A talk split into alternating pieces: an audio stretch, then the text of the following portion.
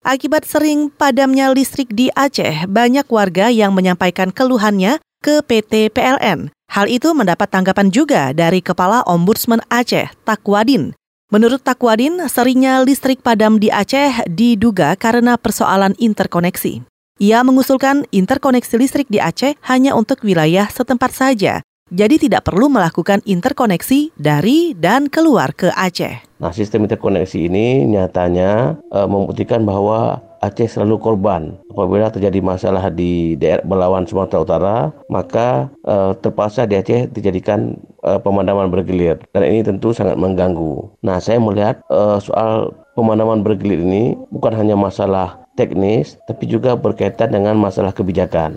Kepala Ombudsman Aceh Takwadin juga mengimbau pelaksana tugas Gubernur Aceh Nova Iriansah untuk segera menaruh, menaruh perhatian dan mengeluarkan kebijakan tegas supaya listrik jangan terlalu sering padam.